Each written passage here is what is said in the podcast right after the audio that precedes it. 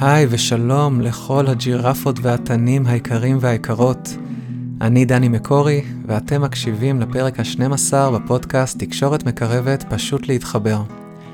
תכננתי להקליט פרק על אשמה ובושה וסליחה, וכבר כמעט עשיתי את זה, אבל כל פעם אני נתקל בעוד מאמר או סרטון בנושא שסוחפים אותי למחשבות נוספות, ואני רוצה לרכז את הכל ולהקליט משהו שלם ומשמעותי יותר. אז עד שזה יהיה מוכן, החלטתי לכבוד חנוכה להקליט פרק קצר, שבו אני גם מציע תרגול של תקשורת מקרבת בעזרת הסביבון, וגם מנגן עבורכם שירי חנוכה.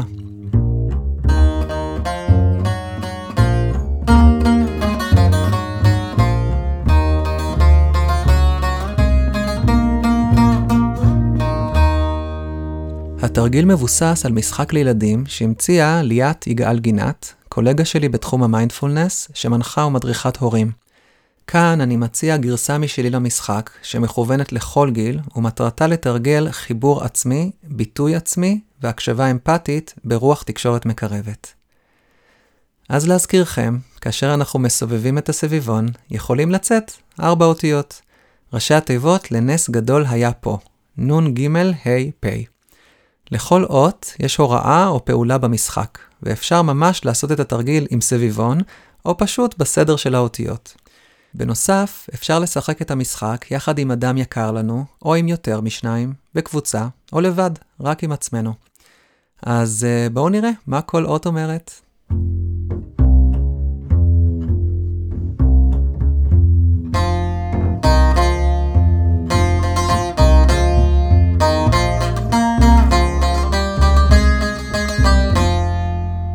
נ' נשימה.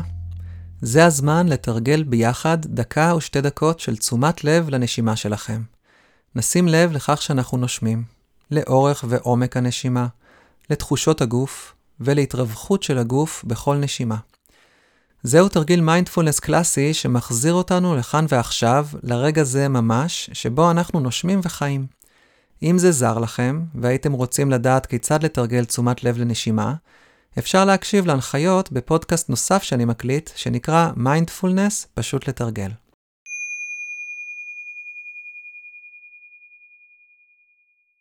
האות ג' גילוי.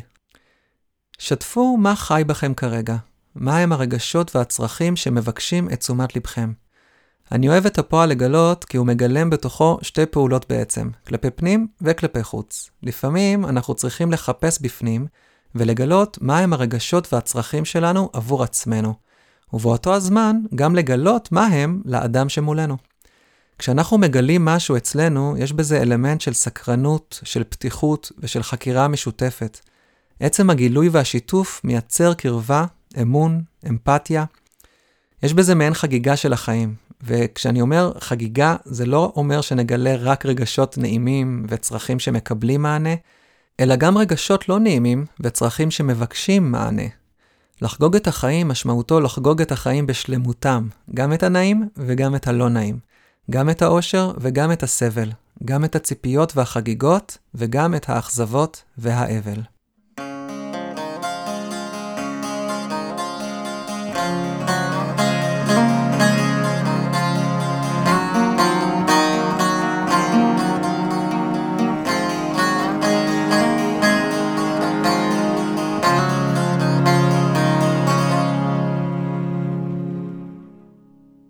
האות ה' התבוננות.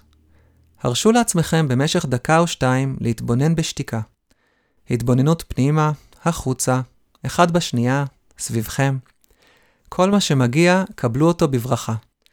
נסו להעלות חיוך קל בזווית הפה, ושימו לב האם זה משנה את החוויה. אולי תרצו לצחוק, או בעצם להפסיק לחייך ולבכות. אולי תרצו לקום ולרקוד, לקפוץ או לשכב קפואים על הרצפה. ככה זה עכשיו, ואין נכון או לא נכון. פשוט תתבוננו והיו קשובים למה שהגוף שלכם מבקש לעשות, ונסו להתמסר לרגע.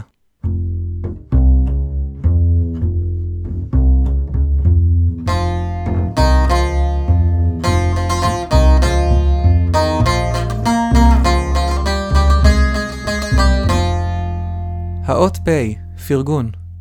אמרו תודה כל אחד בתורו או לעצמכם או לאחר. תודה על משהו שנעשה או נאמר או פשוט קיים אצלכם, אצל האדם השני, או קיים בקשר ביניכם.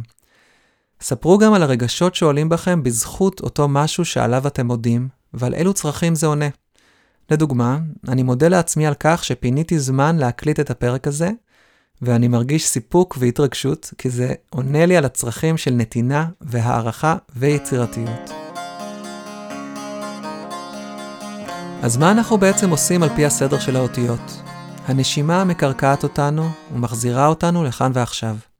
וזה בדיוק המקום בו אני יכול לשים לב לגוף שלי, לרגשות שעולים בי, ולצרכים שמקבלים מענה, ולאלו שמבקשים מענה.